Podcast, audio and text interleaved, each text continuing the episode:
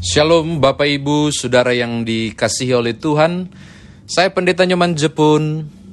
Mari buka Alkitab yuk, Kisah Rasul. Pasal 9 ayat 1 hingga ayat yang ke-9. Kita akan renungkan firman Tuhan sesuai sabda guna, sabda bina umat. Pagi dan malam dilagabung. GPIB punya Kisah Rasul pasal 9 ayat 1 hingga ayatnya yang ke-9.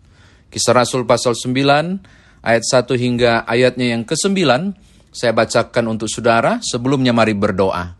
Kami mau mendengarkan firman-Mu, ya Tuhan Allah kami. Hikmat Tuhan kami butuhkan, anugerahkanlah untuk memahami kekayaan firman-Mu. Demi Tuhan Yesus Juru Selamat kami berdoa. Amin. Kisah Rasul pasal 9 ayat 1 hingga ayat yang ke-9 berbunyi demikian.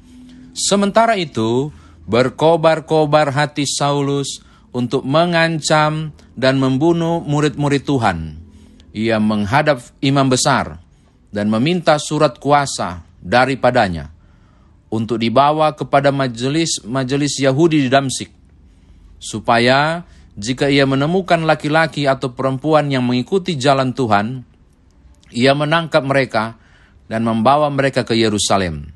Dalam perjalanan ke Damsik, ketika ia sudah dekat kota itu, tiba-tiba cahaya memancar dari langit mengelilingi dia. Ia rebah ke tanah dan dengar dan kedengaranlah olehnya suatu suara yang berkata kepadanya, Saulus, Saulus, mengapakah engkau menganiaya aku? Jawab Saulus, siapakah engkau? Tuhan. Katanya, Akulah Yesus yang kau aniaya itu. Tetapi bangunlah dan pergilah ke dalam kota, di sana akan dikatakan kepadamu apa yang harus kau perbuat. Maka termangu-mangulah teman-temannya seperjalanan, karena mereka memang mendengar suara itu, tetapi tidak melihat seorang pun, seorang juga pun. Saulus bangun dan berdiri, lalu membuka matanya. Tetapi ia tidak dapat melihat apa-apa. Mereka harus menuntun dia masuk ke Damsik.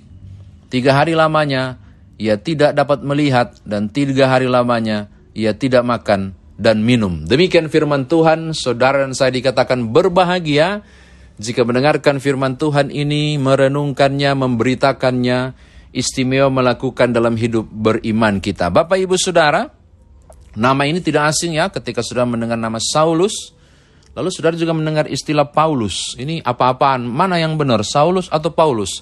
Ada yang bilang Saulus namanya, lalu berubah menjadi Paulus karena sudah bertobat.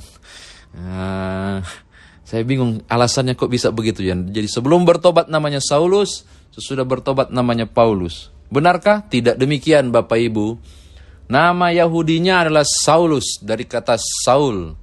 Jadi Saulus itu merupakan uh, uh, istilah nama dari kata Saul.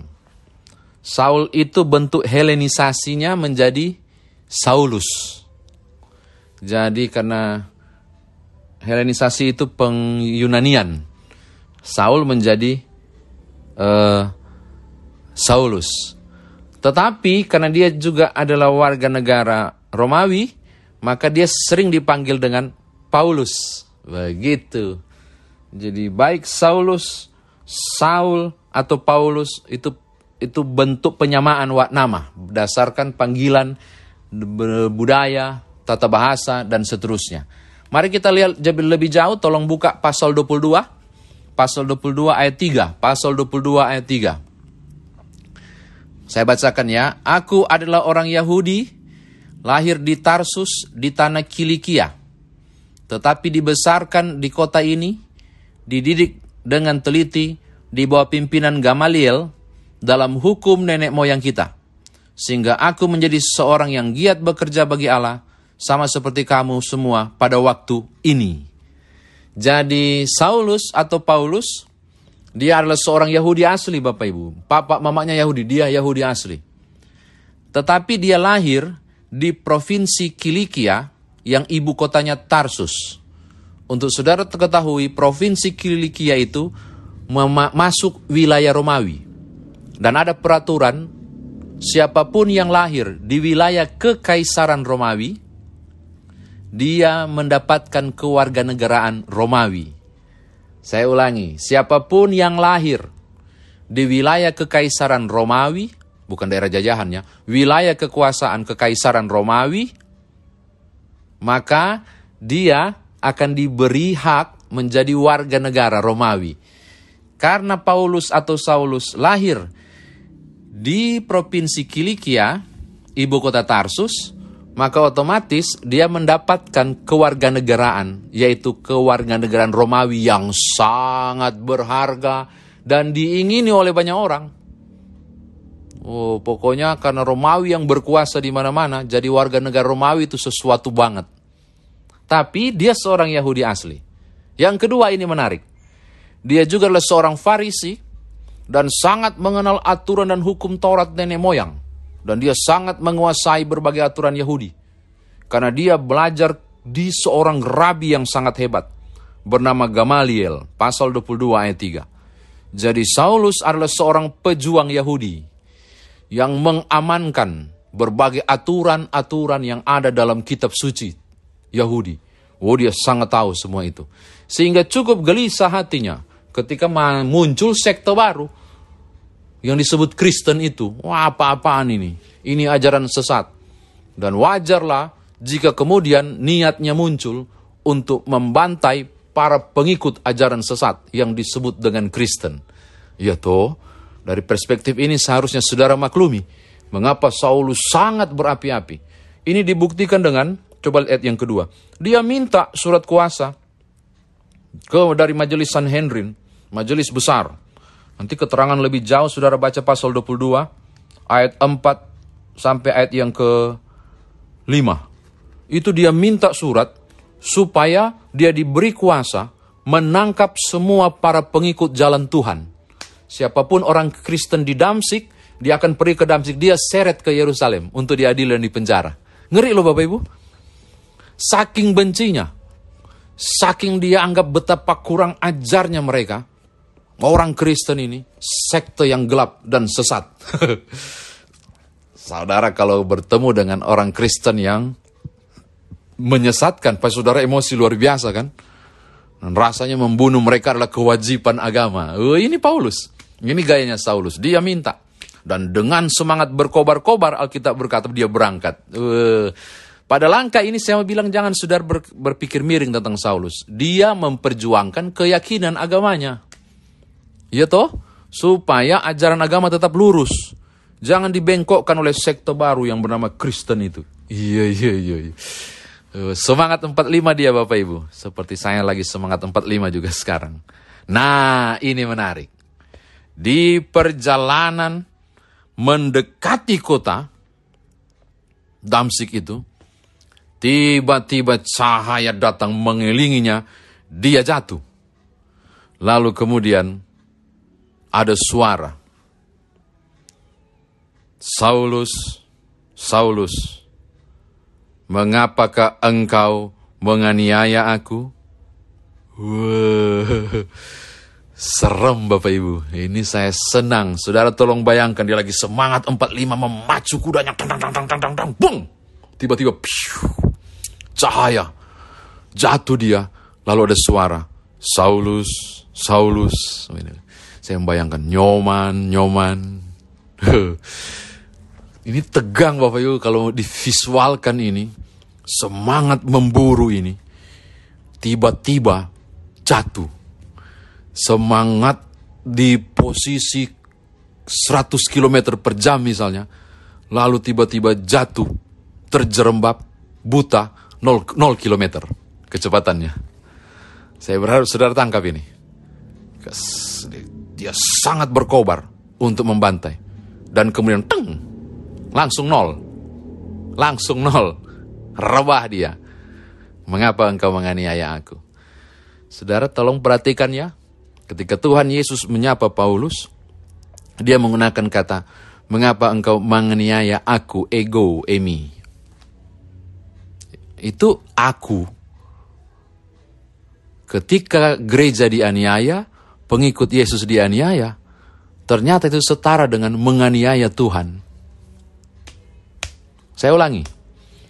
Ketika mereka menganiaya gereja Tuhan si Saulus dan para pengikutnya dan membunuh semua pengikut Yesus Kristus, ternyata itu setara dengan menganiaya Yesus Kristus.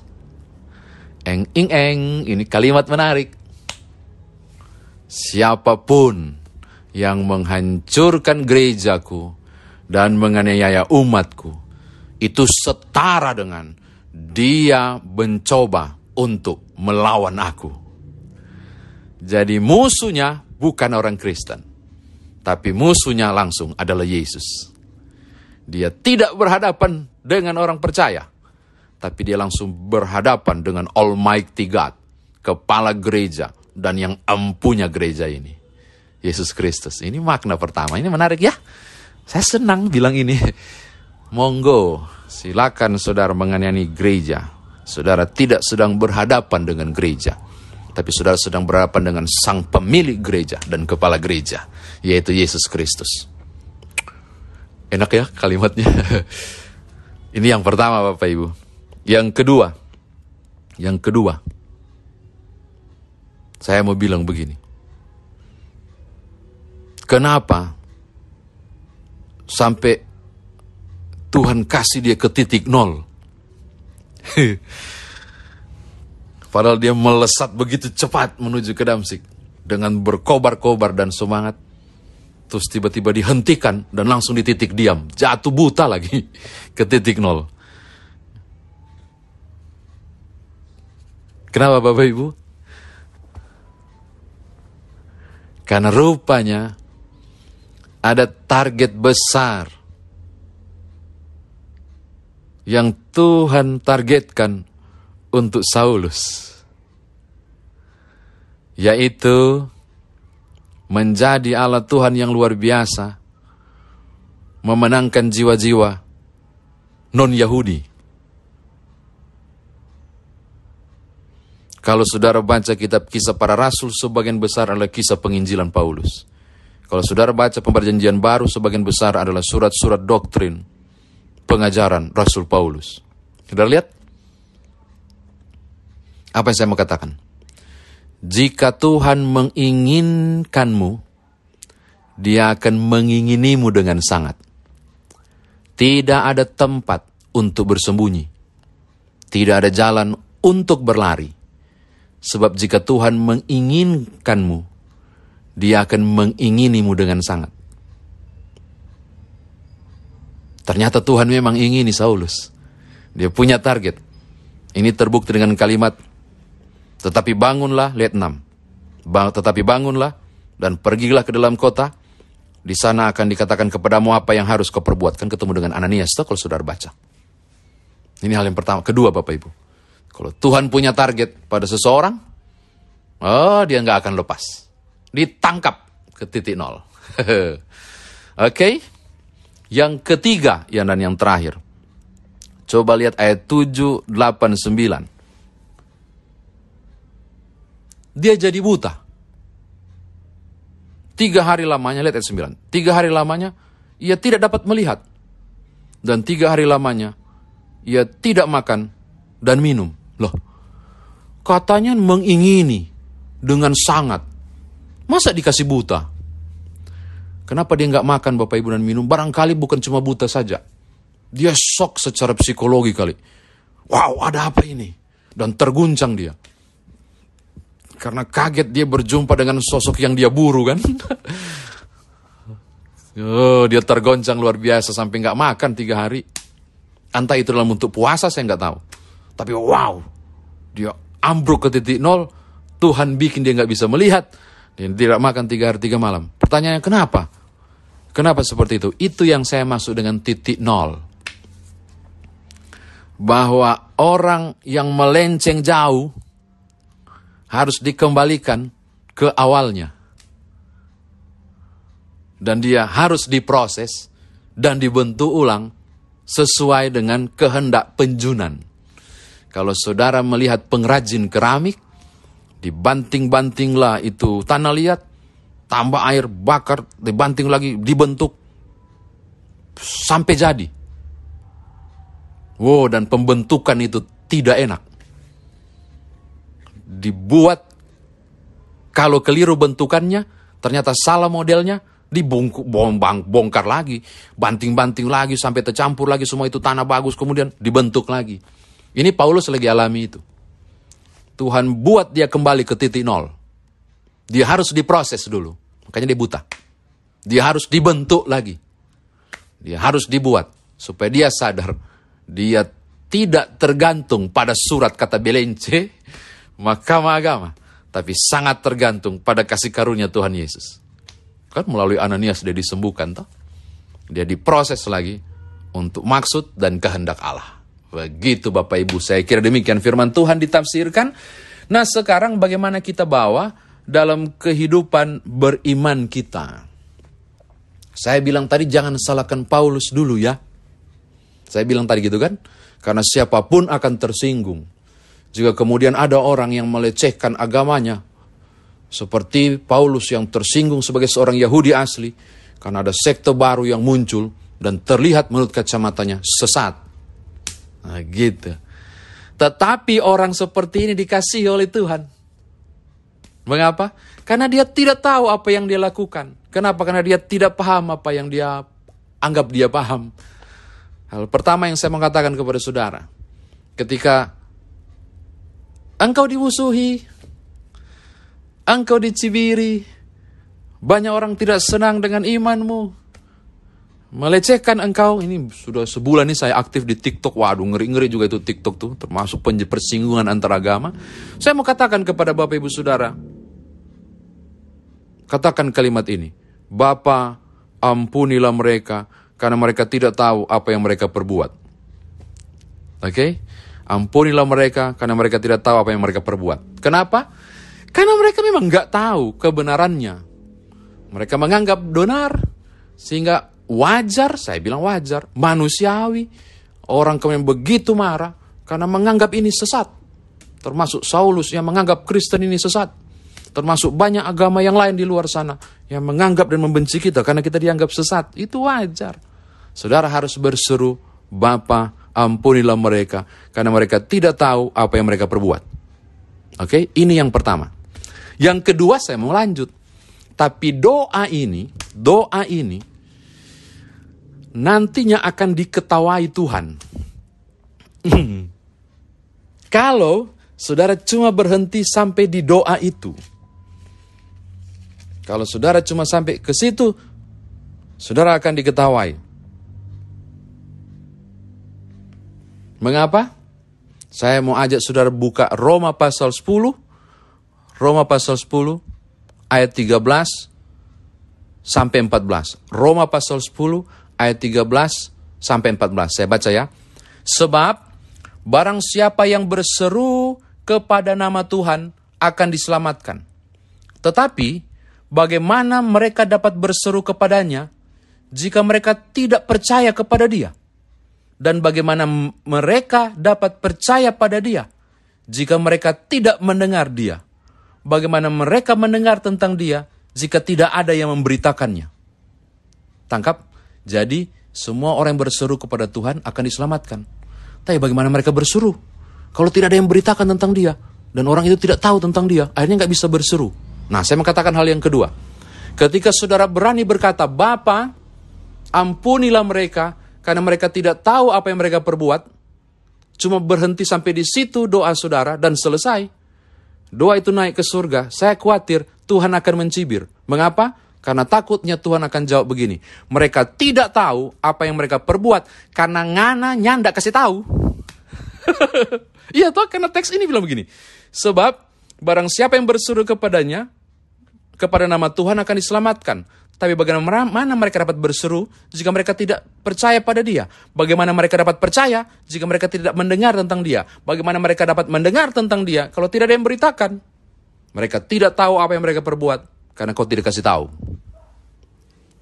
Makanya Paulus disiapkan luar biasa untuk kasih tahu ke orang-orang yang yang nggak tahu itu. Begitu toh. Dia jadi penginjil yang rasul yang luar biasa Bapak Ibu. Maka hal kedua saya mau katakan begini, ketika saudara sedang terpojok, banyak orang yang melakukan kesalahan seakan benar, lalu saudara melipat tangan dan berkata, Bapak ampunilah mereka karena mereka tidak tahu apa yang mereka perbuat, itu bagus. Tapi tugas kedua, saudara, kau harus kasih tahu. Saudara harus kasih tahu kesalahan mereka. Saudara harus sampaikan, itu keliru. Jangan biarkan kejahatan itu terjadi. Yeskel 31 atau 33 itu. Jika ada orang orang berbuat dosa, engkau tidak menegurnya, maka orang itu akan dihukum. Tapi aku akan minta pertanggungjawaban atas saudaranya kepadamu. Nah, ngeri kan? Jika orang bikin salah, kita cuma bilang ampunilah Tuhan dia. Kita nggak tegur dia, kita tidak arahkan dia ke jalan yang benar, kita yang tampias. Ketika kita dapati orang korupsi, kita dapati orang mencuri, ketika kita dapati orang bersina, kita cuma maklumi saja. Tapi kita tidak mengatakan maaf ya, kau memang temanku, tapi perbuatanmu salah. Tuhan marah, tolong kembali. Atau bahasa yang lain, kawan, stop-stop sudah itu. Aduh, kembalilah ke jalan benar. Dia tidak mau bertobat, dosanya itu jadi urusannya. Tapi ketika engkau tidak mau menggiringnya, dia dihukum, tapi Tuhan minta pertanggungjawaban darahnya kepadamu. Enggak salah. Uh, ya skill, ya skill 33 atau 31. Nanti nanti dicari. Saya infokan lagi sudah nggak sempat lihat cuma tiba-tiba muncul mengingat ayat itu. Jadi penting sekali proses untuk bukan hanya berdoa tapi juga mengerjakan. Oke, terakhir Bapak Ibu. Saya suka pada ayat 8 dan 9, proses pembentukan kembali ke titik nol. Perhatikan baik-baik. Uh, Wahyu pasal 3 ayat 19. Orang yang kukasihi akan kutegor dan kuhajar. Engkau salah arah, engkau menyimpang ke kiri atau ke kanan, engkau tidak lurus. Hati-hati, ada cambukan dan hajaran. Lalu saudara berkata, mana Tuhan maha pengasih? Kenapa dia menghukumku? Kenapa ada cemeti? Itu bukan hukuman itu tanda Tuhan kasihi. Sebab orang yang kukasihi akan kutegur dan kuhajar. Aku bentuk dia lagi. Supaya sesuai dengan mau dan kehendakku. Ke titik nol. Paulus dibuat buta. Tidak makan tiga hari tiga malam. Kembali ke titik nol. Diproses lagi. Engkau perlu dibentuk. Engkau perlu diproses. Supaya sesuai dengan target mahakarya yang Tuhan inginkan. Saya mau bilang kepada saudara dibentuk itu tidak enak. Uh, diproses itu tidak enak. Saya mau kasih tahu. Malaria tropika stadium 3, pastori terbakar. Itu proses pembentukan yang pernah saya alami. Wih, tidak enak Bapak Ibu. Tidak enak. Harus sesuai dengan mau Tuhan dulu. Teng, sudah mantap. Wah, lu jalan. Makanya saya bilang begini, sebelum saudara dibentuk, sebelum sudah diproses, saya mau kasih tahu, dibentuk dan diproses itu nggak enak.